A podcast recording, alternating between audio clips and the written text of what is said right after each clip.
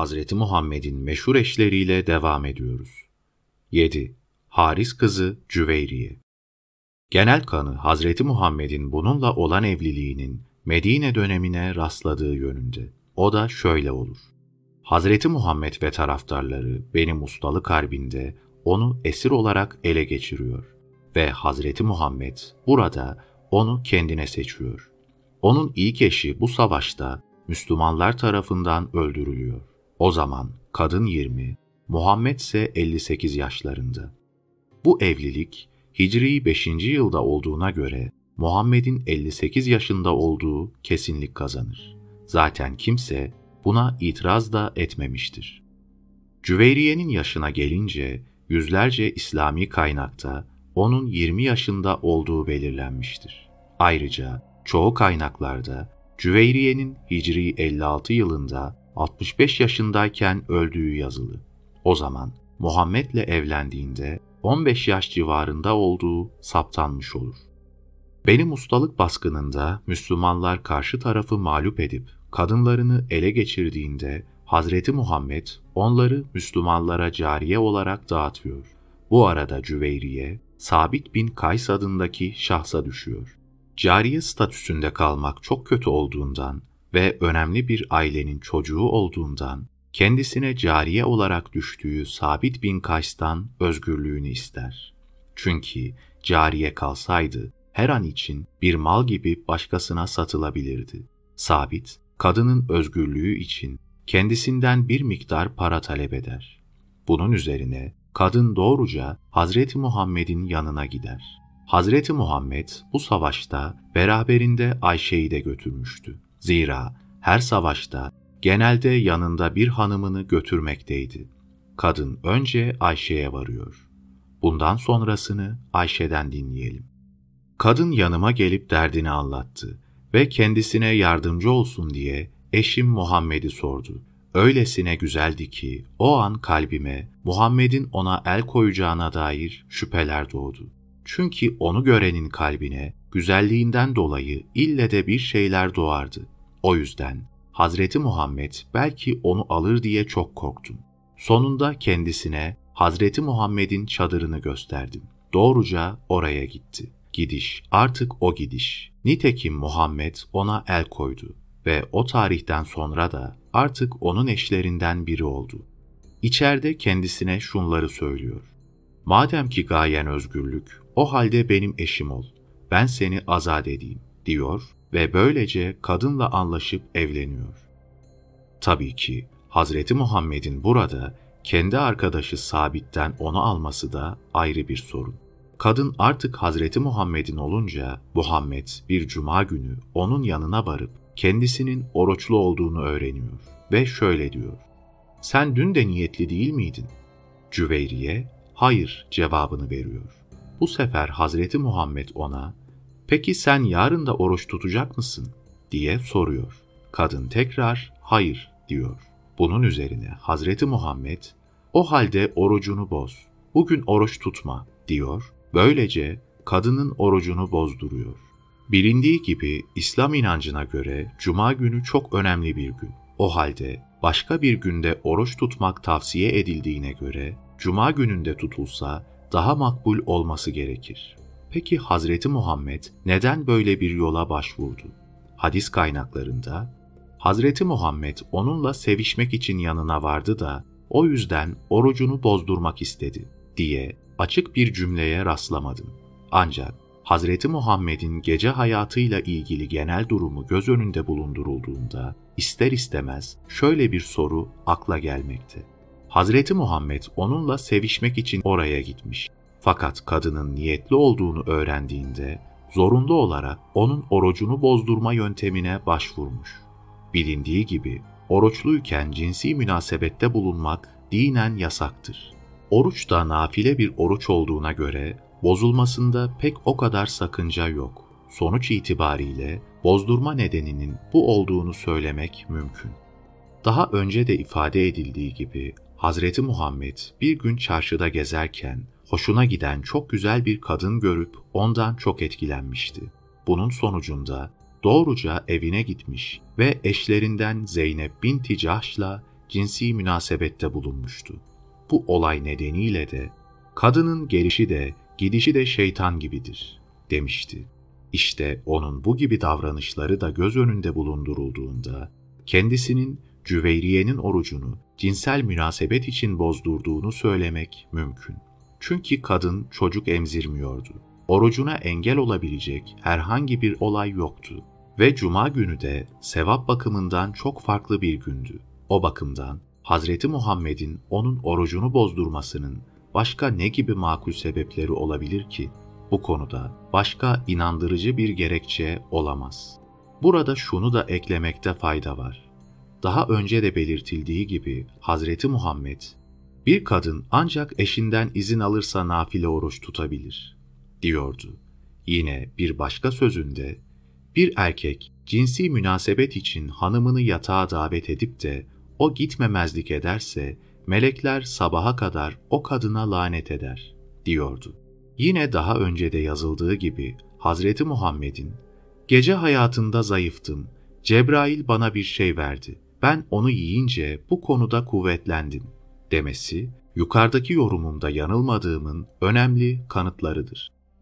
Cüveyriye ile Hazreti Muhammed'in beraberliği yaklaşık olarak 6 yıl sürmüş. Hazreti Muhammed'in ölümü üzerine dul kalıp 40-50 yıl kocasız olarak yaşamını sürdürmek zorunda kalmış.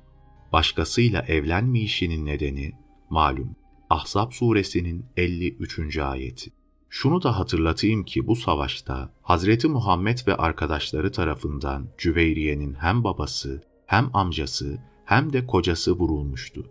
Tabii ki bazı kaynaklarda onun babası hayatta olup kızının hürriyeti için çok uğraş vermiş gibi bazı farklı şeyler de söyleniyor. Ama ne söylenirse söylensin hiçbir savunma Hazreti Muhammed'i eleştirilerden kurtaramaz. Sebeplere gelince 1. İkisi arasındaki aşırı yaş farkı 2. Daha önce sabite düşmesi ve usulsüz bir şekilde ondan alınması 3. Kadının bu baskında birçok akrabasının vurulması ve suçsuz olduğu halde cariye olarak ele geçirilip Hazreti Muhammed'in onlarca hanımı arasına dahil edilmesi. Hazreti Muhammed'in ölümü üzerine en az 40 yıl dul olarak yaşamını sürdürmesi gibi ciddi nedenler varken birilerinin kalkıp bunu savunması nasıl izah edilir ki? Ayrıca Ayşe ile ilgili ilk olayı da bu savaş dönüşünde yolda meydana geliyor. Bazıları Hazreti Muhammed'in bu hanımı ele geçirmekteki gayesinin gece hayatı değil de başka olumlu nedenler olduğunu söylüyor.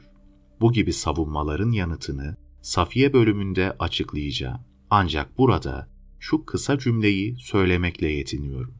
İnanmıyorlar diye insanları öldürmek suretiyle onların suçsuz olan hanımlarını ele geçirip cariye olarak kullanmaktan gelen barışa herhalde kimse barış diyemez. Madem ki arkasında çok güçlü, şefkatli bir Allah vardı, o zaman işi barışçıl yollarla, kan dökmeden, kimseyi yetim ve dul bırakmadan halletmesi gerekmez miydi?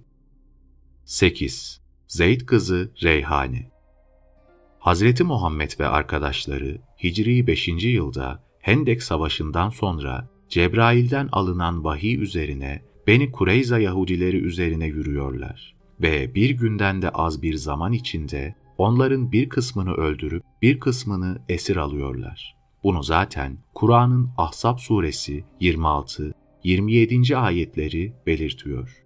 Yaklaşık olarak 600 ile 900 kişi esir alınıp kılıçtan geçiriliyor.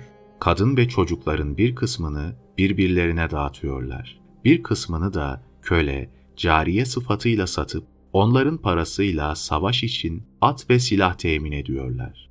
Reyhane daha önce evliydi. Onun Hakem adındaki eşi bu baskında Hazreti Muhammed ve arkadaşları tarafından katledilmişti. Kadınla eşi birbirlerini çok severlerdi. Hatta birbirlerine İkimizden hangisi önce ölürse öbürü artık ölünceye kadar evlenmeyecek diye söz vermişlerdi. Çoğu kaynaklarda bu hanımın ölene dek cariye kalmayı tercih ettiği ve başını da örtmediği, türban takmadığı anlatılmakta.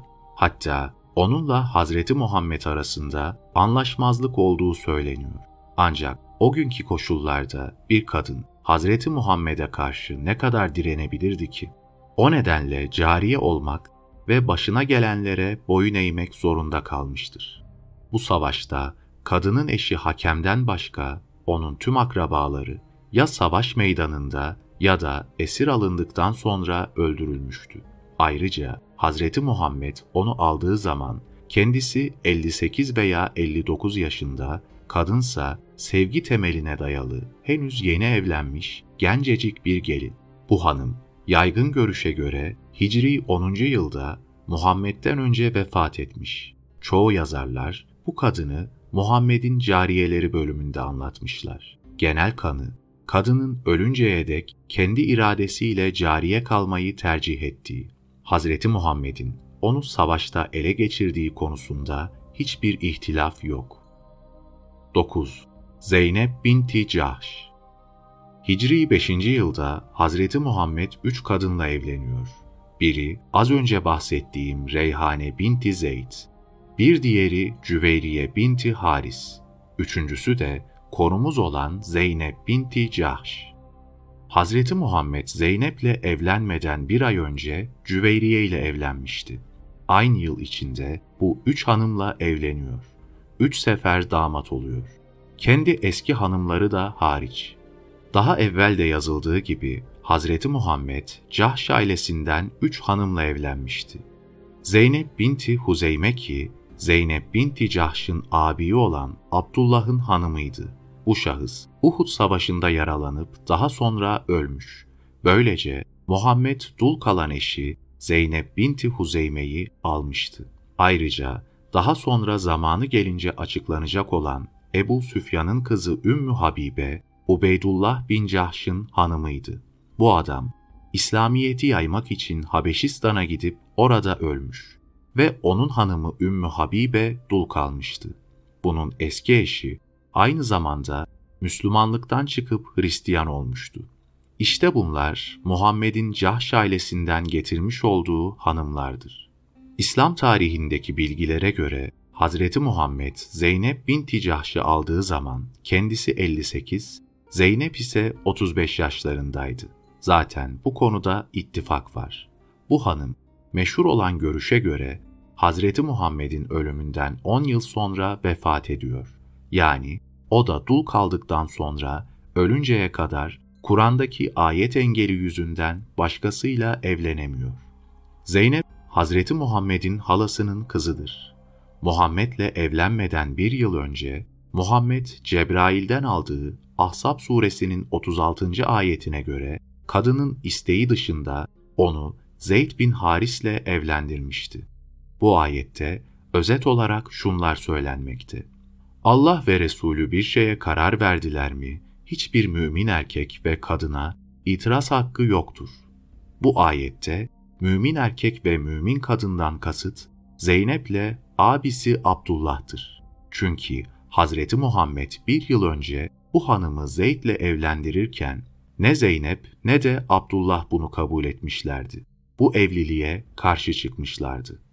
Bunun üzerine az önceki ayet inip kendilerinin bu konuda söz hakkına sahip olmadıklarını beyanla bu evliliğe karar verilmişti. Ama bir yıl sonra Ahzab suresinin 37. ayeti geliyor. Bu sefer Zeynep, Hazreti Muhammed'le evlendiriliyor. Üstelik bu ayette, sizin nikahınızı da ben kıydım denilmekte. Burada şu merak konusu.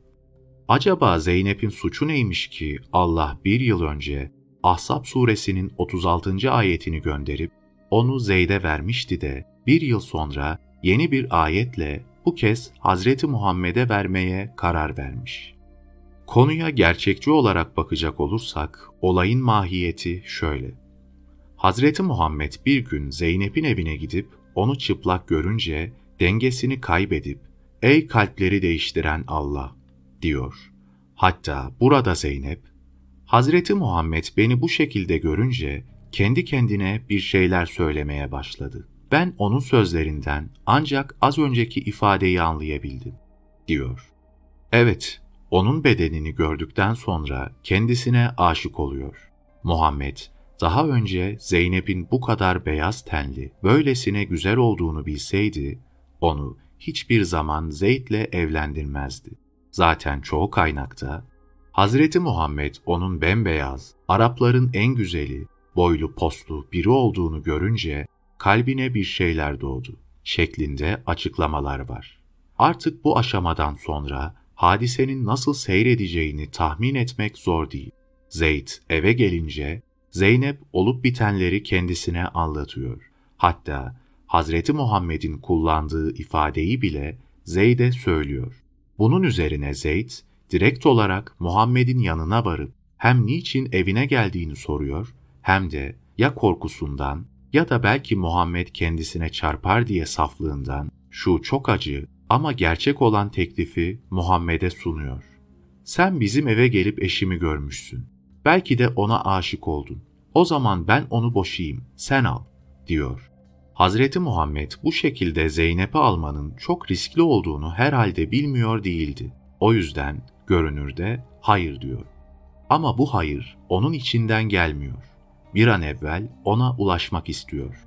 Zeyd'e hayır dedikten sonra hemen Ahzab suresi 37. ayet iniyor. Anlamını aynen veriyor. Peygamberim, hem Allah'ın hem de senin ona iyilik yaptığın kimseye eşini yanında tut. Allah'tan kork diyorsun. Halbuki Allah'ın açığa vuracağı şeyi insanlardan çekinerek kendi içinde gizliyorsun. Oysa asıl çekinmen gereken Allah'tır. Zeyd o kadından ilişiğini kesince biz onu sana nikahladık ki bundan böyle evlatlıkları karılarıyla ilişkilerini kestikleri zaman o kadınlarla evlenmek konusunda üvey baba olan müminlere bir güçlük, bir engel olmasın. Allah'ın emri yerine getirilmiştir. Bu ayette geçen onu ben sana nikahladım ifadesi çok ilginç.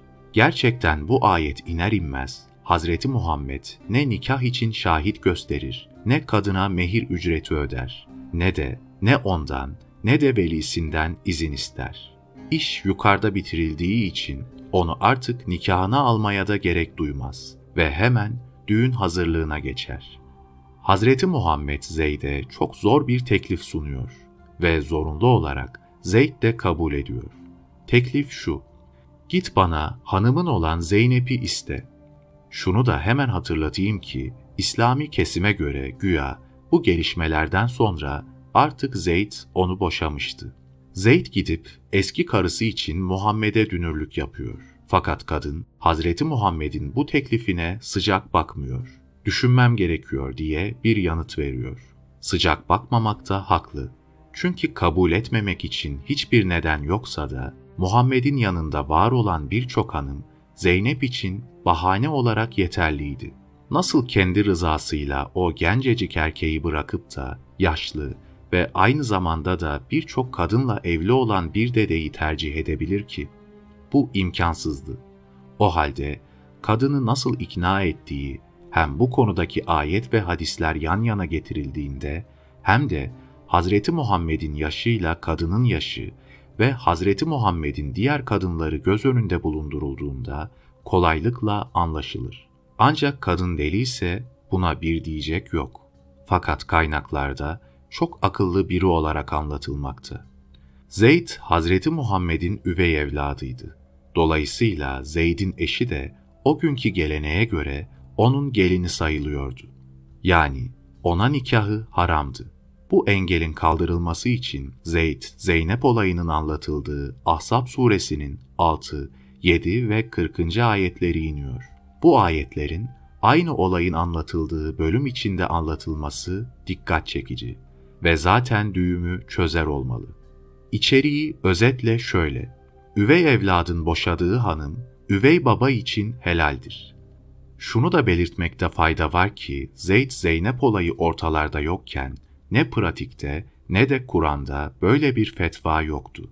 Muhammed bu olaydan önce en az 15 yıldan beri peygamberdi. Kendisine bu süre zarfında üvey baba şayet üvey evladın eşini boşarsa onun hanımıyla evlenmesinde bir sakınca yoktur. Şeklinde bir ayet inmediği gibi üstelik benle Zeyd hangimiz önce ölürsek birbirimize varisiz diyordu. Ama Zeynep olayı ortaya çıkınca aynı hadisenin anlatıldığı Ahzab suresinin bu üç ayeti üst üste inmeye başlıyor. Hazreti Muhammed'in hem Zeynep'le az önceki yöntemle evlenmesi hem de birçok kadına sahip olması özellikle Yahudiler tarafından eleştirilince onların peygamberlerinden ikna edici örnekler vermek suretiyle ayetler geliyor. Ahzab suresinin 38. ayetinde özet olarak şöyle deniyor. Allah'ın kendine helal kıldığı bir şeyi yerine getirmede Muhammed için herhangi bir günah yoktur. Bu, önceki peygamberlerin dönemlerinden beri süre gelen ilahi bir kanundur. Büyük müfessirlerin çoğuna göre burada geçen önceki peygamberler ifadesinden Davut ve Süleyman kastedilmiş ve şu açıklama yapılmıştır. Muhammed'in Zeyd'e yaptığı gibi Davut da bir gün damda gezerken karşı evde çok güzel bir kadın görmüş ve hoşuna giden o kadının kimin eşi olduğunu soruşturmuş. Sonunda Hitti Uriya'nın hanımı El Yesiye olduğunu öğrenmiş ve zorla onu alıp kendisiyle cinsi münasebette bulunmuş. Daha sonra zaman içinde bu gayrimeşru ilişkiden de Süleyman peygamber dünyaya gelmiş. Süleyman'la alakalı da çok nahoş şeyler yazılmış. Ama bu tür konulara girmeyi uygun bulmuyorum. En sonunda Davut, çevresi tarafından eleştirilmesin diye kocasını dönmesi imkansız bir savaşa yollayıp vurdurmak istiyor ve nitekim kocası o savaşta öldürülüyor. Bundan sonra da formaliteler yerine getirilip o hanım Davud'un eşlerinden biri oluyor. Bu konuda Tevrat'ta çok detaylı, İncil'de de kısmi bilgiler var. Bu ayetleri oluşturmaktan asıl kasıt hem Zeynep'le olan evliliğine yönelik eleştirilerden hem de birçok kadınla olan evliliğinden dolayı yapılan eleştirilerden kurtulmaktı. Ayette geçen, önceki peygamberler döneminde de bu tür olaylar vardı. Deyiminden maksat, Davud'un bu olayıdır şeklinde yapılan yorum, birçok tefsirle birlikte çeşitli İslami kaynaklarda da geçmekte. Bazı ayetlerin açıklama kısmında Davut ve oğlu Süleyman'ın hanımlarından söz edilirken, Davud'un 100 tane hür, 300 tane de cariyesi vardı. Süleyman'ın ise 300 hür, 700 de cariye olmak üzere toplam bin hanımı vardı. Şeklinde bilgiler mevcut. Hazreti Muhammed hem çok kadın alma konusunda hem de Zeynep olayında Yahudiler tarafından eleştirilince oluşan bu tür ayetlerle onların peygamberlerinin çok eşliliğine gönderme yapmak istemiş ve bu şekilde kendilerini susturmaya çalışmış. Ayrıca Süleyman'ın sadece bir gecede 70 ile 100 hanımıyla ilişkiye girdiği, onlardan sadece bir tanesinin hamile kaldığı ve onun da doğurduğu çocuğun felçli olduğu sağlam diye İslam camiasında kabul görmüş kaynaklarda anlatılmaktadır. Ahzab suresi 38. ayette işaret edilen Muhammed ve Davut benzerliğinin bir diğer ortak noktası da şu. Davut, adamın hanımına aşık olup onunla yattıktan sonra o adamı savaşa gönderip vurdurmak istiyor. Ve nitekim de vurduruyor. İşin burasında da Muhammed Zeyd olayıyla Davut Hitti Uriya olayı arasında tam bir benzerlik var. Örneğin Muhammed Zeynep'le bu şekilde evlendikten sonra sadece bir yıl içinde Zeyd'i komutan olarak altı sefer savaşa yolluyor ve hepsinde de Zeyd kazanarak geri dönüyor. Mesela şu seferler. Beni Süleym, Taraf, Vadil Kurra, Ümmü Kürfe. Zeyd en son Muhammed tarafından ordu komutanı olarak Mute Harbi'ne gönderiliyor ve orada vuruluyor. Bu savaş Suriye bölgesinde Rumlarla oluyor. Müslümanların asker sayısı 3000, karşı tarafın asker sayısı ise 100 binden fazla. Sonuçta kendisi öldürüldüğü gibi ordusu da hezimete uğruyor. Zeynep'le gerdeğe girdiği gecede düğüne davet edilen halk evi terk etmeyip fazla oturunca Hazreti Muhammed'in morali bozuluyor. Bu arada birkaç kez dışarı çıkıp tekrar eve dönüyor. Buna rağmen halk bir türlü dağılmıyor. Tam bu sırada Ahzab suresinin 53. ayeti iniyor. Uzunca olan bu ayetin konuya dair bölümünün anlamı şöyle. Siz bir yemek için Hazreti Muhammed'in evine davet edildiğinizde gidin. Fakat yemeğinizi yer yemez hemen evi terk edin. Sohbete dalmayın. Çünkü bu hareketiniz peygamberi üzüyor. Fakat o bunu söylemekten utanıyor. Allah ise hakkı söylemekten çekinmez. Bu ayetleri o gece insanlara okuyunca onlar artık kalkıp gidiyorlar ve kendisi de Zeynep'le baş başa kalıyor. Aslında ayetin söylediği doğrudur. Gerçekten bir grup misafir yemekten sonra sohbete devam ediyorlarmış. Buna canı sıkılan Hazreti Muhammed cemaati dağıtmak için sık sık dışarı gidip gelmiş. Fakat onlardan bir grup oturmaya devam etmiş. Bu arada gelin olan Zeynep de yüzü duvara dönük bir vaziyette bekliyormuş. Bu iş gecenin geç saatlerine kadar devam etmiş. Tabii ki bütün bunları Hazreti Muhammed'e 10 yıl hizmet eden Enes anlatıyor. Bunu yaparken şunu da ekliyor. Bu ayetin nerede, ne zaman, hangi olayla alakalı olarak geldiğini benden daha iyi bilen yoktur, diyor. Doğrudur. Çünkü kendisi Hazreti Muhammed'in evinde özel olarak hizmetçilik yapıyordu. Muhammed herhangi bir yere adım attığında o da yanındaydı. Ondan ayrılmıyordu. Bu yüzden en iyisini o bilmiş olabilir. Muhammed'in sık sık dışarı çıkıp içeri girmesi ve cemaatin de oturmaya devam etmesi, Zeynep'in de yüzü duvara dönük bir vaziyette beklemesi sürerken, tam bu sırada az önceki ayet ini veriyor. Bir ara Hazreti Muhammed'in hanımlarından Safiye'nin binek hayvanı hastalanır. Zeynep'in yanında kendi şahsına ait fazla hayvanı vardır. Hazreti Muhammed Zeynep'ten o fazla olan hayvanı Safiye için ister. Fakat Zeynep vermediği gibi üstelik Safiye hakkında ben nasıl o Yahudi kadına hayvanımı vereyim şeklinde hakaret içerikli ifadeler kullanır. Bunun üzerine Hazreti Muhammed ona darılır ve Zeynep'le üç ay boyunca bütün ilişkilerini keser. Görünürde sanki haklı bir gerekçe vardır. Ama durum hiç de öyle değil. Hazreti Muhammed bu hanımla üç ay sonra barıştığında kadın sevinçten ona bir de cariye hediye eder. Hazreti Muhammed'in cariyeleri olduğu gibi onun hanımlarının da hizmet amacıyla kullandıkları cariyeleri vardı. Burada şunu söylemek istiyorum. Hazreti Muhammed'in Zeynep'le küskün kalması ona bir kadın daha kazandırıyor. Bu küskünlük ona fayda getiriyor. Muhammed eşiyle barışınca kadın ona bu iyiliğine karşı seni nasıl mutlu edebilirim diyor. Bunlar barışınca Zeynep Hazreti Muhammed'i mutlu etmek için az önceki hediyeyi yani cariyeyi ona bağışlıyor. İşte üç aylık küskünlüğün getirisi. Zeynep'in hikayesi bununla bitmiyor. Hazreti Muhammed'in hanımlarından hem Ayşe hem de Hafsa, Safiye'ye Yahudi kızı dedikleri halde Hazreti Muhammed onlara herhangi bir ceza vermiyor. Çünkü onların babaları Ebu Bekir ve Ömer çok güçlü, çok etkiliydi. Zeynep'in ise otoriter bir yakını yoktu. Halbuki daha evvel de ifade edildiği gibi Hazreti Muhammed, hanımları arasında eşit davranmayan bir koca, kıyamet gününde felçli olarak Allah huzuruna çıkacak, diyordu. Ama burada onun açık bir şekilde taraf tuttuğu ortada. Bir ifadesi de şu, herhangi bir Müslümanla üç günden fazla küs kalmak haramdır.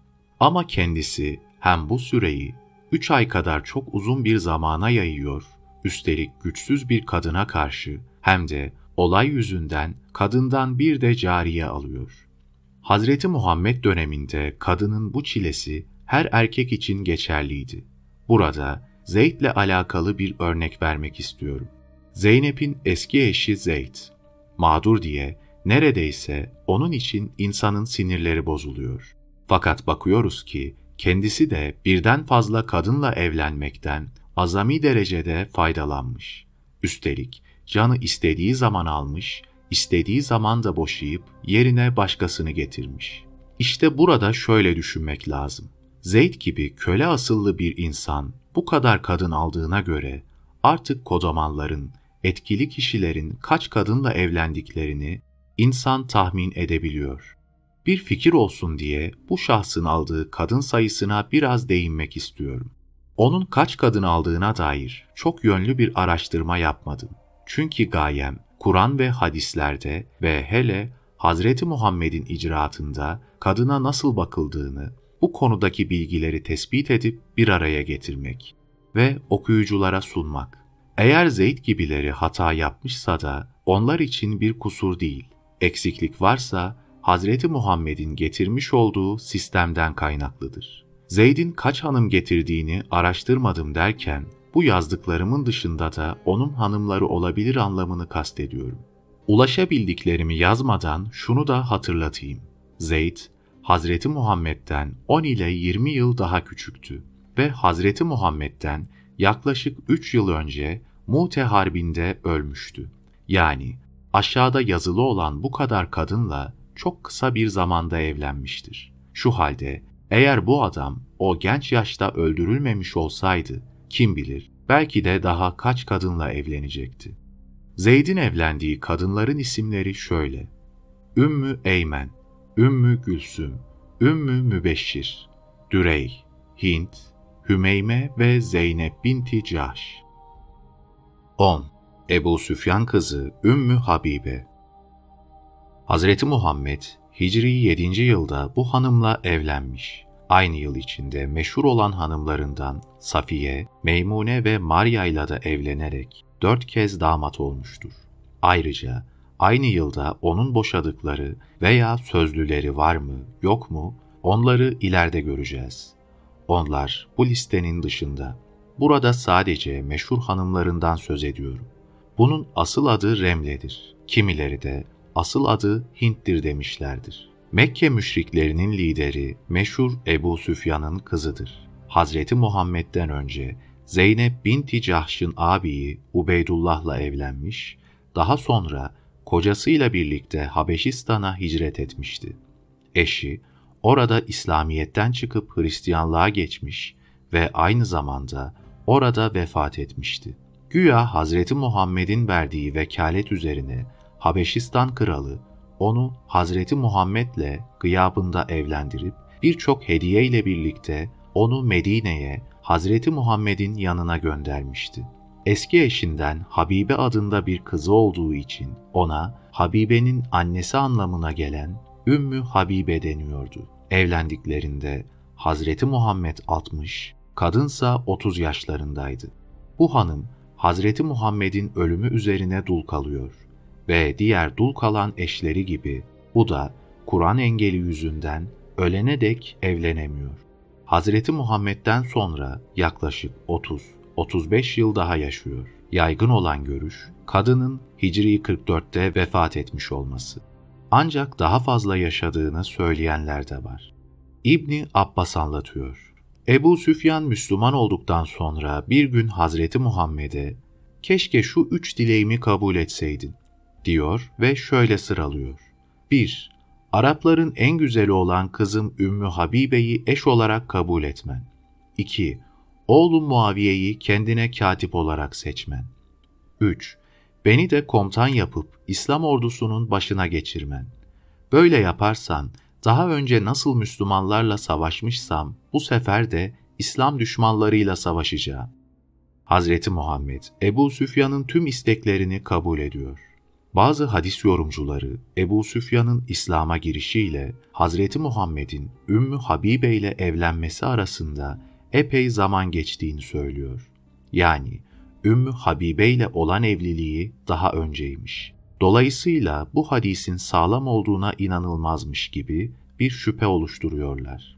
Eğer hadis sağlam değilse o zaman Müslim gibi sağlam hadis kaynaklarında neden korunuyor?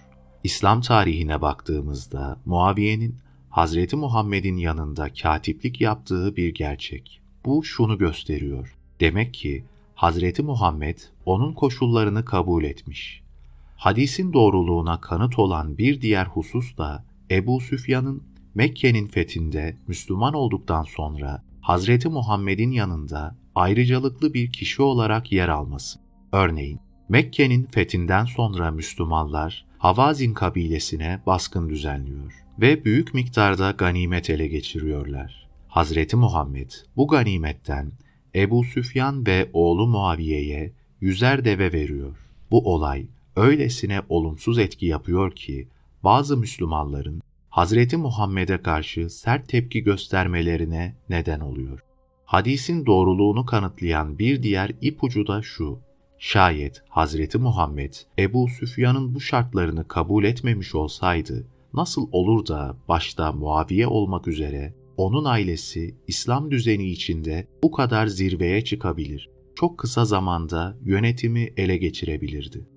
Ümmü Habibe'nin babasının Müslümanlığından önce evlendiğine dair söylentilere gelince bu doğru olabilir. Gerçekten bazı rivayetlerde Hazreti Muhammed Ebu Süfyan'dan izin almadan kızıyla evlenmiş. Ebu Süfyan bunu duyunca Muhammed utanmadan nasıl kızımla evlenir deyip tepki göstermiş şeklinde bilgiler var. Bunun böyle olması Ebu Süfyan'ın Hazreti Muhammed'le pazarlık yapmasına engel teşkil etmez. Şöyle demek mümkün. Bu evlilik daha önce gerçekleşmiş olabilir. Ancak birbirleriyle barışmaları, kaynaşmaları için Ebu Süfyan kızının evlenmesinden sonra böyle bir teklifte bulunmuş ve Hazreti Muhammed de onu kazanmak için bu teklifi kabul etmiş. Kızımı sana vereyim derken, bak kızımla isteğim dışında evlendin. O halde bu imkanları bana tanı. Sembolik de olsa ben de artık evet diyeyim demek istemiş olabilir. İmam Nevevi'nin yorumu zaten böyle. Sonuç olarak ganimet dağıtımında Ebu Süfyan'a tanınan ayrıcalık ve onun ailesinin İslam'da yönetim kademesine yükselmesi gibi durumlar göz önünde bulundurulduğunda Hazreti Muhammed'in bu konuda pazarlık yaptığı kesin. Peki madem ki peygamberdi, her şeyi, geleceği biliyordu, o zaman Muaviye'nin zaman içinde onun ailesine kusturduğu kana ne demeli? Bunun sebebi bu sahte pazarlıklar değil mi? Olup bitenlere bakılsa Ebu Süfyan ve ailesi bilerek bu planları kurmuş ve böylece yönetimi ele geçirmişlerdir. Daha net bir ifadeyle Hazreti Muhammed'i kandırmışlardır. Çünkü sonuç ortada, İslam tarihi ortada.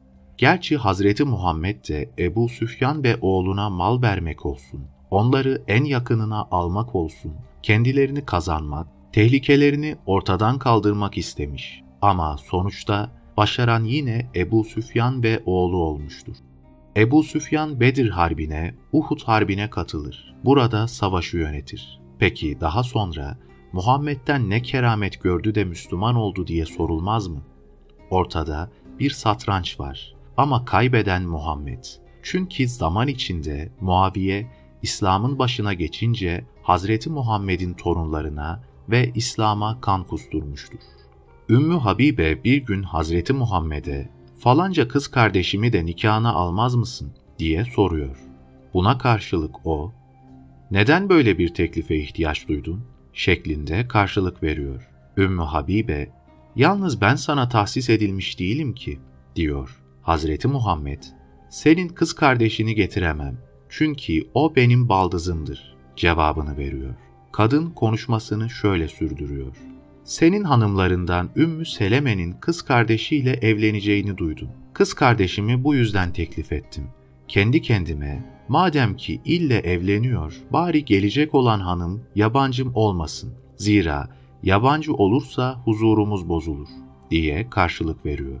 Hazreti Muhammed, hayır, onun da nikahı bana haramdır. Onu alamam yanıtını veriyor.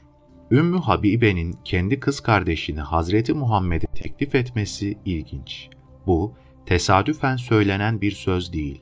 Bir kere Hazreti Muhammed'den böyle bir beklentisi olmasaydı kadın bunu söylemezdi. Bir diğer önemli husus Hazreti Muhammed bu hanımla evlenirken 60 yaşındaydı. Demek ki bu yaştan sonra gözü hala başka kadınlarda ki Ümmü Habibe böyle bir teklifte bulunuyor. Eğer onun öne sürdüğü mazeretler olmasaydı hemen teşebbüse geçip o kızı alırdı. Çünkü 54 yaşındayken 9 yaşında olan Ayşe'yi, 58 yaşındayken 17 yaşındaki Safiye'yi, yine 58 yaşındayken 20 yaşında olan Cüveyriye'yi, 60 yaşındayken 20 yaşında olan Marya'yı ve diğer birçok hanımı alan Hazreti Muhammed elbette onu da alırdı. Bu hanım Hazreti Muhammed'den dul kalınca en az 30-35 yıl daha yaşıyor. Bununla ilgili önemli gördüğüm bilgiler bunlardır. 11. Huyey kızı Safiye Bu kadının yaşadığı trajedinin benzeri gerçekten çok nadir bulunur. Hemen anlatmaya geçeyim. Safiye aslen Medine'de yaşayan Beni Nadir Yahudilerinden bir kadın. Bunlar Hazreti Muhammed'in baskısıyla daha önce Medine'den sürülüp gönderilmişti. Ayrıca Hazreti Muhammed onların mallarına da el koymuştu. Bu zaten Kur'an'ın Haşr suresi 2. ayetten 8. ayete kadar işlenmiştir. Hazreti Muhammed Hicri 7. yılda meydana gelen Hayber Savaşı'nda hem bu yeni evlenmiş kadının kocası Kinane bin Hukayk'ı canlı olarak yakalayıp öldürmüş hem de onun hanımı Safiye'yi zorla nikahına almıştı. Olayın özeti bu. Şimdi detay kısmına geçelim. Hayber baskını Hicri 7. yılda meydana gelmiş. O zaman Hazreti Muhammed 60 yaşında, kadınsa 17 yaşına henüz ayak basmış ve o günlerde yeni evlenmiş gencecik bir gelindi. Kadın şair olan Kinane adındaki meşhur eşini çok severdi. Evlilikleri sevgi temeline dayalıydı. Ayrıca baba tarafından da Hayber'de yaşayan Yahudi ileri gelenlerindendi. Yani o günkü şartlara göre herhangi bir kadın değil, tersine hem koca tarafından hem de baba tarafından çok önemli ailelere mensuptu.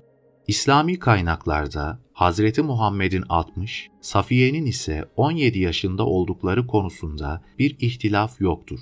Arapların o zaman ve hala da kız çocuklarını erken yaşta evlendirdikleri bilinen bir gerçek. Safiye de erkenden evlenen kızlardan biriydi. Hatta kimi rivayetlerde kadının Muhammed'den önce iki erkekle evlendiği, Muhammed'in ise onun üçüncü eşi olduğu yazılı. Şu da bilinmeli ki eğer Araplar bir yanlışı yapmışlarsa bu Hazreti Muhammed'in yanlış yapmasına bir mazeret, bir fetva teşkil etmez. Zira onlar kendi kafalarına göre bunu yapmışlar. O bakımdan onların yaptıkları tasvip de edilebilir, eleştiri de alabilir. Hazreti Muhammed ise yaptıklarını olağanüstü bir varlığa havale ettiği ve arkasındaki Allah'ın da adil ve zulüm yapmayan biri olduğunu iddia ettiği için çok farklı olmalı durumu. Hiç yanlış yapmamalı. Bu bakımdan Allah adına Hazreti Muhammed şahsında ortaya çıktığı iddia edilen bir sistemin hem teorisinde hem de pratiğinde olumsuzluk olmamalı. Hele hele kadın Muhammed ve yandaşlarına hiç ezdirilmemeli. Madem ki Hazreti Muhammed'in yaptıkları ve söyledikleri insan ötesi bir yerden Allah'tan geliyor, o zaman hatalardan uzak olması ve Arap örf ve adetlerini emsal göstererek onu kurtarmaya çalışmaması gerekir.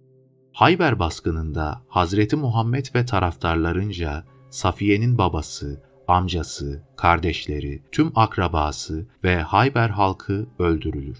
Safiye'nin kocası Kinane ise sağ olarak ele geçirilip idam edilir. Bu arada herkesin bildiği o meşhur Bilal-i Habeşi, Safiye ile başka bir kadını yanına alıyor ve onları götürüp akrabalarının cenazelerini kendilerine gösteriyor. Onlar bu cenazeleri görünce ağlıyor, bağırıp çağırıyorlar ve saçlarını çekiyorlar. Onların bu davranışlarını gören Hazreti Muhammed Bilal'e o şeytan kadını uzaklaştırın diyor. Bu arada onlara bu cenazeleri gösterdiği için Bilal'e de kızıyor. Az önce Safiye'nin kocası sağ olarak yakalanıyor ve Hazreti Muhammed'in talimatıyla idam ediliyor demiştim onun nasıl ve niçin öldürüldüğü konusuna açıklık getirmeye çalışalım. Adamın idamıyla ilgili birbirlerine çok yakın 2-3 neden öne sürülmekte. Hepsini teker teker özetleyelim. 1.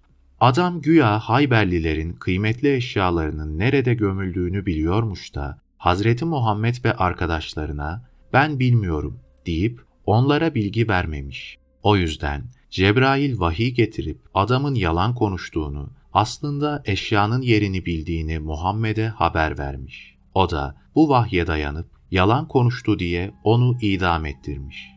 2. Bir önceki nedene yakın şöyle bir olay daha var. Adamdan o hazinelerin yeri sorulunca bilmiyorum demiş. Fakat ara sıra bir yere gidip orayı yokluyormuş. Bunu sezen Hazreti Muhammed ona, bak sen bize doğru söylemiyorsun. Eğer hazineleri bulursak seni öldüreceğiz demiş. Adam da bunu kabul etmiş ve sonunda mal bulununca Hazreti Muhammed ona sen bunu biliyordun fakat bize söylemiyordun. O yüzden ben de seni idam edeceğim demiş ve onu idam ettirmiş. 3. Bir diğer görüş de şu.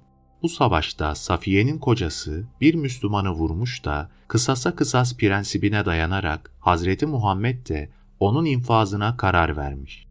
Bu üç nedenden hangisi olursa olsun bunlardan hiçbiri adamın öldürülmesini meşru kılmaz. Çünkü eğer onun idamına neden olan adam öldürmüş olmasıysa o zaman Hazreti Muhammed sadece o kadının hem babasını hem amcasını, kardeşlerini ve hem de tüm akrabasını öldürmüştü. Üstelik baskını da Hazreti Muhammed ve taraftarları düzenlemişti. Savunmada olan bir insana sen niye adam öldürdün denemez ki. O bakımdan bu savunma sağlıklı değil. Kaldı ki İslami yazarlar tarafından onun öldürülmesine neden olan olaylar birinci ve ikinci şıkta belirlenen hazine meselesidir. O zaman Allah adına bir mal davası yüzünden adam öldürmek ki o mal da zaten Hazreti Muhammed ve Müslümanların değildi, nasıl izah edilir ve bu gerekçe onun idamını gerektirir mi? Ayrıca adamın idam biçimi tüyler ürpertici. Hazreti Muhammed'in talimatıyla onun elleri ve kolları bağlanır. İşkence yapsın diye Zübeyir bin Avam'a teslim edilir. Bu Zübeyir, Hazreti Muhammed'in kendisine cennet müjdesi verdiği on kişiden biri. Zübeyir, onun bilek kemiğine ve göğsüne vura vura kendisini komaya sokup kol ve bacaklarını kırar. Ondan sonra onu Hazreti Muhammed'e getirir. Hazreti Muhammed bu kez onu arkadaşlarından Muhammed bin Mesleme'ye teslim eder. O da götürüp kafasını keser ve bu şekilde adamın hayatına nokta konur. Artık bu aşamadan sonra Hazreti Muhammed'in Safiye'yi alma işi kolaylaşır. Çünkü önü açılmış olur.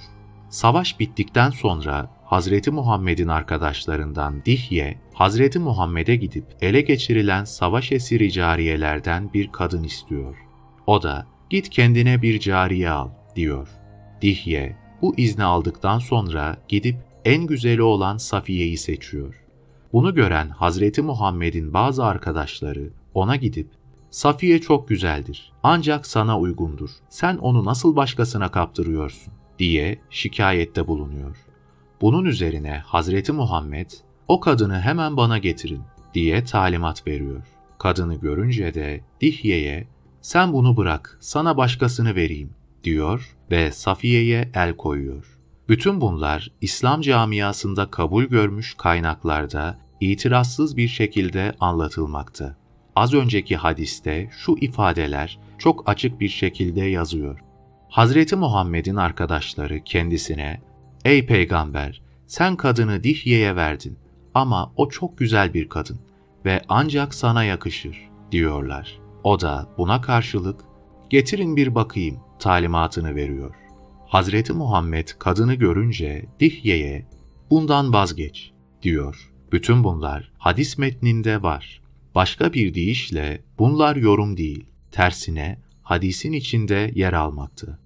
Biraz önce kadın önce Dıhye'ye düşmüştü demiştim. Tabii ki örfen onu bir daha Dıhye'den almak tasvip edilen bir davranış değil. Bu arada Safiye'yi gördükten sonra onu Dıhye'ye kaptırması da artık imkansızdı. Çünkü hadiste Muhammed'in o kadından çok etkilendiği yazar. O bakımdan Muhammed burada bir uzlaşma formülü uyguluyor. Safiye'yi alıyor, onun yerine ikisi Safiye'nin akrabası olmak üzere toplam 7, 9 veya 12 cariyeyi Dıhye'ye veriyor ve böylelikle bu işe noktayı koyuyor. Nasılsa mal gibi değerlendirilen savaş esiri cariyeler çoktu.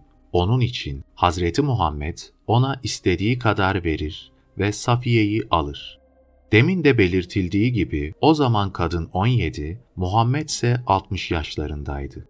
Bu ifade sadece bunlarla sınırlı değil, başka kaynaklarda da var. Bazı kaynaklarda Muhammed'in Dıhye'ye git başkasını al dediği veya kendisine Safiye'nin amcasının iki kız kardeşini verdiği şeklinde farklı bir sayıdan bahsedilmekte. Bu sanki önceki sayıyla çelişik bir ifade oluyor. Aslında bu bir çelişki değil.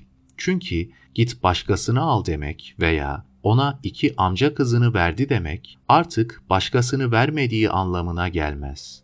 Nitekim İbni Seyyidin Nas, Hazreti Muhammed Safiye'yi aldı, onun yerine yedi cariye verdi diyor. Ama aynı yazar kitabın bir başka yerinde Safiye'yi ondan aldı, onun yerine Safiye'nin iki amca kızını verdi diyor. Bundan şu anlaşılıyor. Demek ki bunların ikisi amca kızları, diğer beş tanesi yabancı. İbni Kesir, iki amca kızını verdi bilgisini aktarıyor. Ama o da aynı eserin bir diğer yerinde beş tane daha verdi diye ek bir bilgi daha veriyor. Taberi ise iki amca kızını verdi diye yazıyor. Anlaşılan çelişki yoktur. Ancak ikisi kız kardeş oldukları için ayrı olarak ele alınmış. Diğerleri de başka bir ifadeyle dile getirilmiş. Şöyle de demek mümkün. Olabilir ki bir yerde iki kız kardeş, başka yerde de beş tane daha vermiş ve böylece yediye tamamlanmış.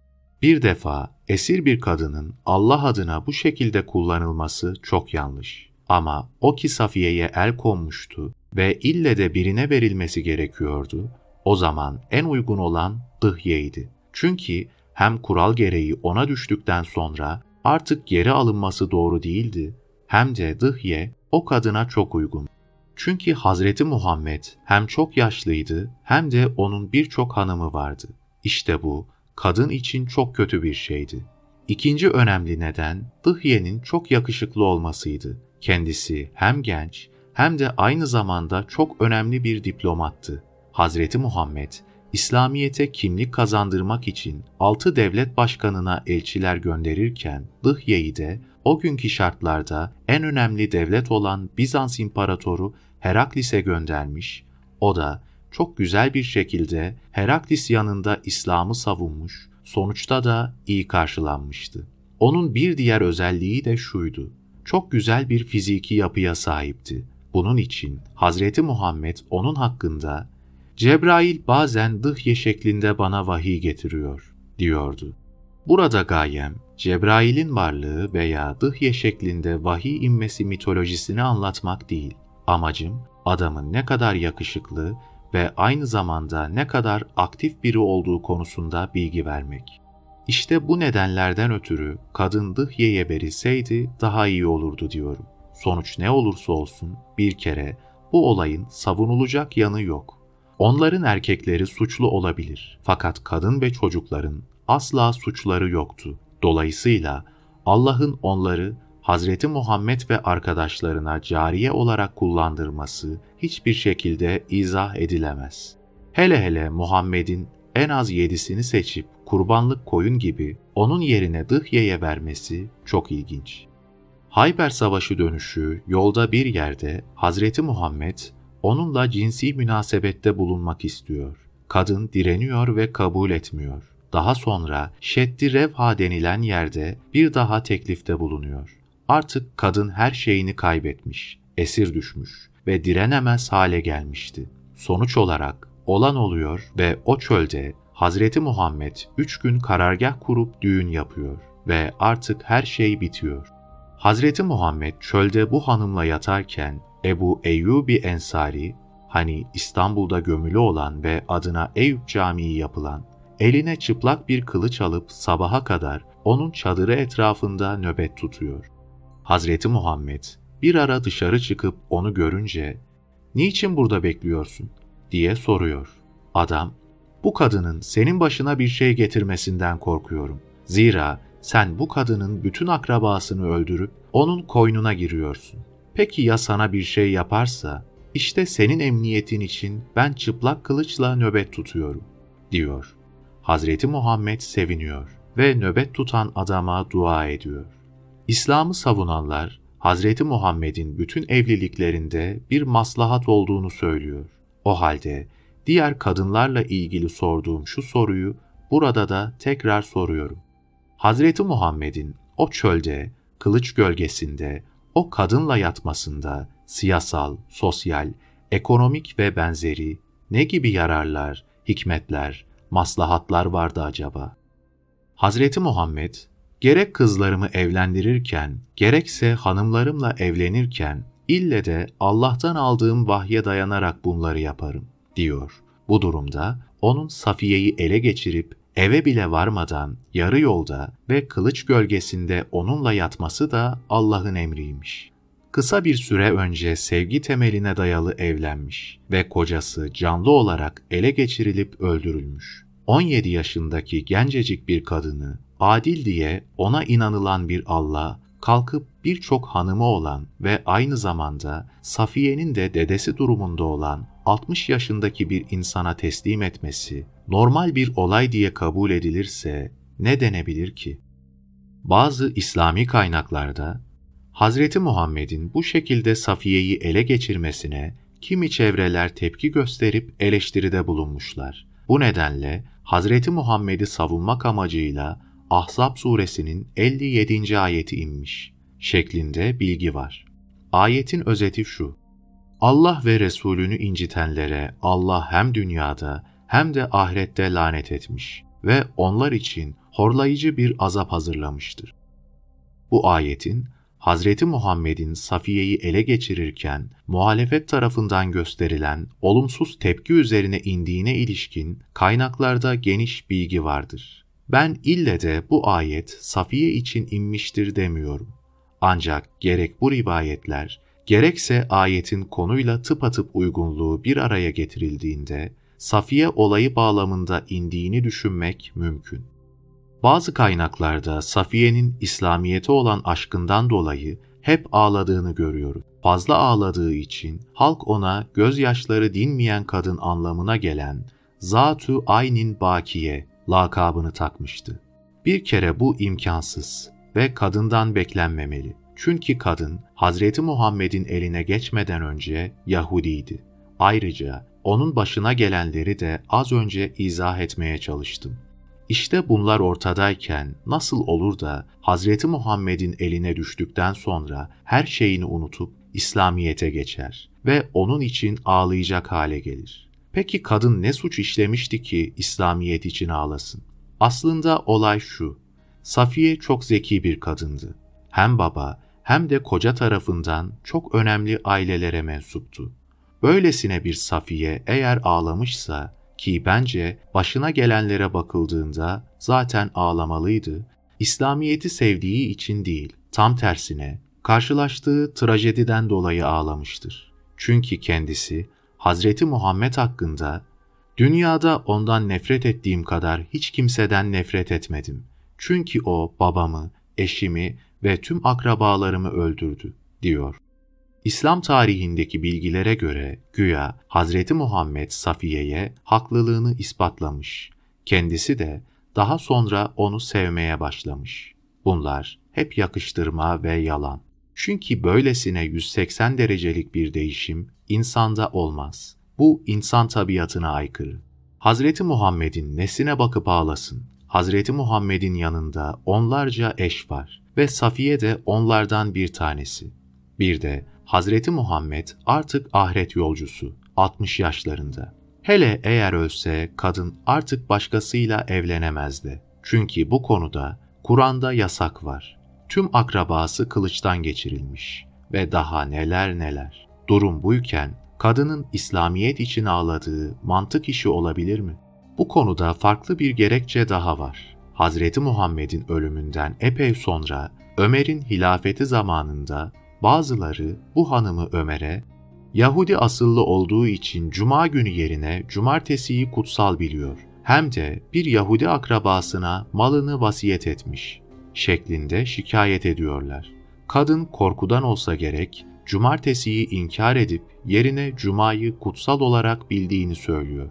akrabasının vasiyetine gelince onu inkar etmiyor ve yakın akrabaya şefkatle bakmak İslamiyet'te de vardır. O bakımdan bunun herhangi bir sakıncası, İslamiyet'e aykırılığı yoktur, diyor. Sonuçta onun vasiyet ettiği malı kendi akrabasına veriliyor. Durum buyken geleneklerine böylesine bağlı bir kadına Hazreti Muhammed'in sevgisi ve İslam dini için ağladı demek en azından kadına hakarettir. Hazreti Muhammed ister savaşa katılsın, ister katılmasın, ele geçirilen ganimet henüz dağıtılmadan önce kendi şahsına o ortak maldan bir şey alır, ondan sonra dağıtımına başlardı. Seçtiği şey genelde kadındı. Örneğin Safiye, Cüveyriye ve Reyhane gibi. Ama bazen de at, silah, köle ve benzeri şeyler seçerdi. Yani duruma göre değişirdi. Onun seçtiği şeye Arapça olarak safi denirdi. Türkçe karşılığı zata mahsus, kişiye özel anlamında. Zaten Safiye'nin daha önce adı Zeynep'ti. Hazreti Muhammed kendine seçtiği için ona Safiye ismini koymuş oldu. Hazreti Muhammed Hayber baskını sonucu Safiye'yi ele geçirip çölde düğününü yaptıktan sonra sevinçle onu alıp arkasında devesine bindiriyor ve eve doğru yol alıyor. Medine'ye varıp artık devesinden inmek üzereyken Hazreti Muhammed ve Safiye birden bindikleri hayvandan düşüyorlar. Onun diğer hanımları Safiye'ye, Yahudi kızı, uğursuz, sen olmasaydın eşimiz düşmezdi şeklinde onur kırıcı sözler söylerler. Halbuki baştan beri anlatıldığı gibi kadının hiçbir suçu yok. Bu olaydan şöyle bir sonuç ortaya çıkmakta. Hazreti Muhammed bir ara yemin içip bütün hanımlarından 29 gün uzak kalıyor. Hatta Hazreti Muhammed'in tüm hanımlarını boşadığı haberi çevreye yayılıyor. Enes'in bu 29 günlük hadiseyi anlatımından şunlar ortaya çıkmakta. Hazreti Muhammed attan düşmüştü. Bunun sonucunda kürek kemiği kırılmıştı ve bütün hanımlarından uzak kalacağım diye bir aylığına yemin içmişti. Millet onu ziyarete gidiyordu. Kendisi oturarak, onlarsa ayakta namaz kılıyorlardı. Bu şekilde uzun bir hadis anlatılmakta. Hendek baskını dönüşü yani bu olay dışında Hazreti Muhammed'in başka bir yerde, başka bir zamanda attan düştüğünü hiçbir kaynak yazmıyor. Dolayısıyla bundan şu ortaya çıkıyor. Hazreti Muhammed'in 29 günlük yemini bu attan düşme olayından sonra olmuştur. Nedeni bu olaydır. Çünkü kaynaklarda geçiyor ki Safiye yüzünden Zeynep binti Cahş'tan 3 ay uzak durmuştu. Ayrıca Ayşe ve Hafsa'nın Safiye'ye Yahudi kızı dedikleri de kesin. 29 günlük yemini de kadınların kavgası yüzünden içtiğine göre demek ki bütün bu olup bitenlerin kaynağı Safiye olayı. Çünkü gerçekten Hazreti Muhammed'in bu olay dışında attan düştüğü herhangi bir vaka yoktur. 12. Şemun kızı Maria Kıpti Hazreti Muhammed Hicri 7. yılda dört sefer evleniyor. Bu yıl içinde evlendiği eşlerinden biri de bu Maria. Annesi Rum asıllı bir Hristiyandır. Kendisi ise aslen Habeşistanlı. İskenderiye kralı Maria'yı ve Maria'nın Şirin adındaki kız kardeşini cariye olarak Hazreti Muhammed'e hediye ediyor. Ayrıca Hazreti Muhammed'e Mebur adında bir köle, bin miskal altın yani yaklaşık 5 kilogram, güzel kumaştan 20 takım elbise, Düldül adında bir katır, Afır adında bir merkep, bir miktar bal, çeşitli misk ve esanslar gönderiyor. Evlenirken Hazreti Muhammed 60, kadınsa 20 yaşlarında. Kadının çok genç ve güzel olduğunun kanıtı şu. Bir kere genç ve güzel olmasaydı elbette bir kral onu Muhammed'e hediye etmezdi. Herhalde kalkıp da çirkin, ihtiyar birini hediye edecek değildi.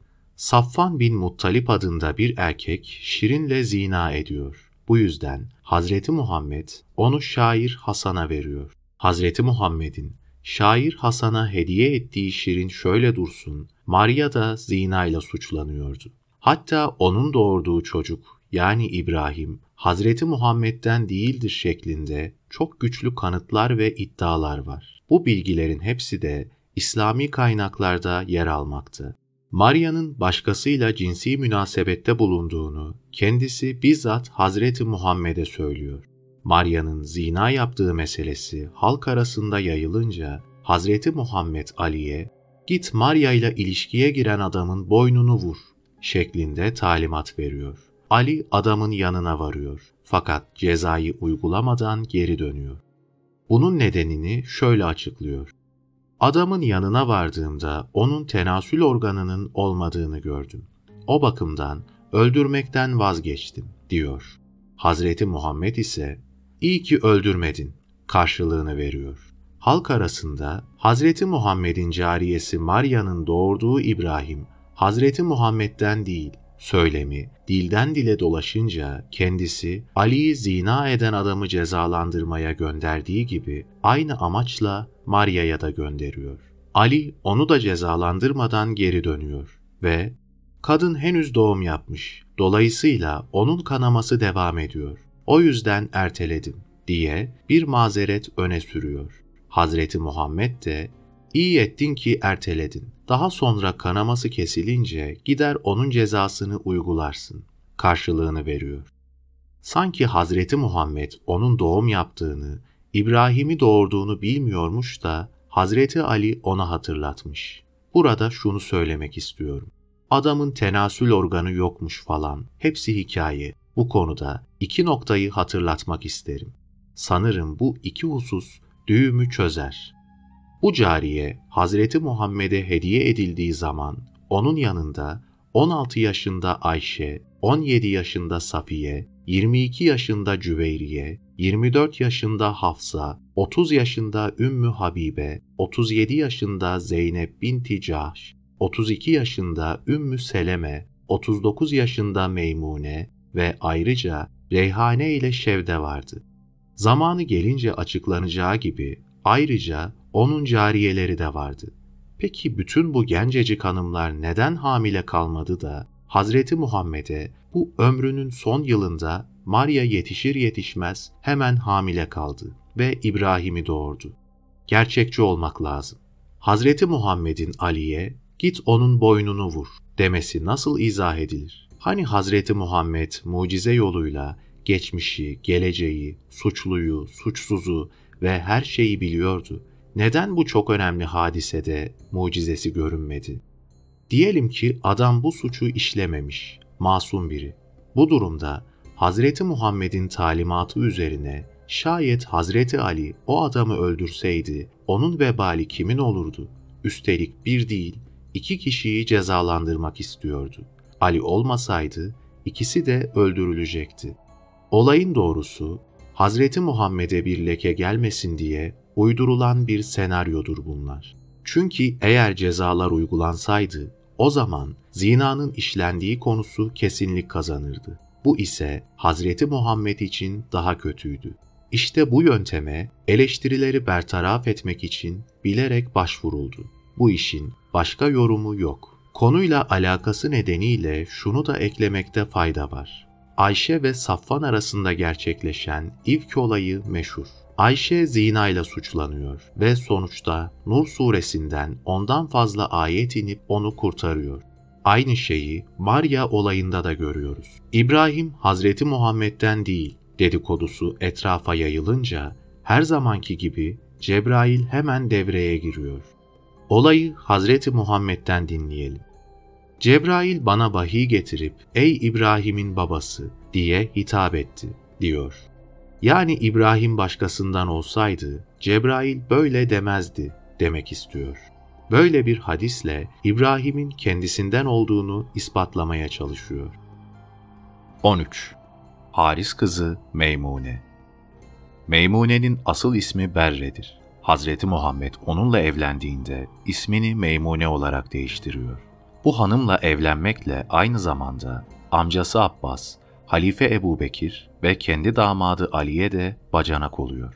Tabii ki Hazreti Ali, Hazreti Muhammed'in ölümünden sonra ancak o aileden evleniyor.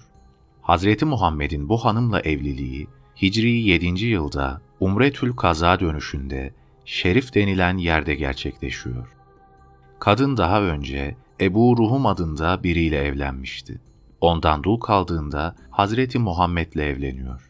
Hazreti Muhammed eve varmadan tıpkı Safiye'de olduğu gibi yolda düğün yapıyor. Aynı yıl Maria ile evlenince Hicri 7. yılda dördüncü kez damat oluyor.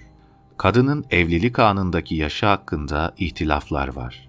Onun yaşı 26 ile 36 arasında değişiyor. Muhammed ise o zaman 60 yaşında. Kadının yaşı ister 26 olsun, ister 36.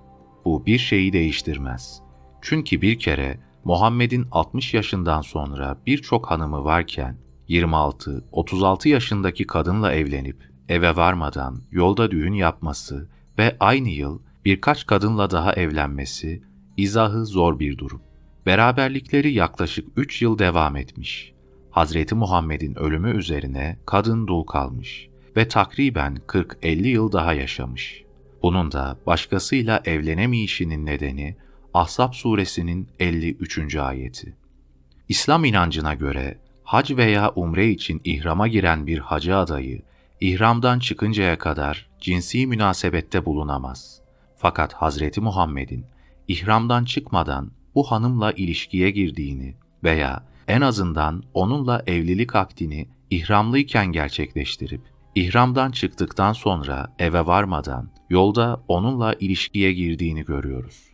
Güvenilir diye bilinen İslami kaynaklarda bu bilgiler var. Hazreti Muhammed'in ihramdan çıktıktan sonra kadınla ilişkiye girdiğini iddia edenler de var.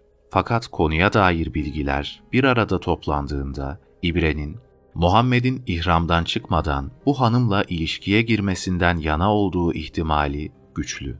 Kaldı ki var olan kaynaklar da zaten inananlar tarafından yazılmış. Bu durumda gerçeği ne kadar yansıtacağı meçhul. Sadece hatırlatma olsun diye bunu yazdım. Yoksa daha enteresan ve ibretlik konular varken bu gibi teferruatlar üzerinde fazla durmak abesle iştigaldir. Meymune ile ilgili şu önemli bilgiyi yinelemek istiyorum. Kadın, Hazreti Muhammed'e haber vermeden bir cariyesini azat ediyor. Daha sonra ona haber verince Hazreti Muhammed, keşke onu azat etmeyip de dayılarından birine hibe etseydin. Bu daha iyi olurdu, diyor.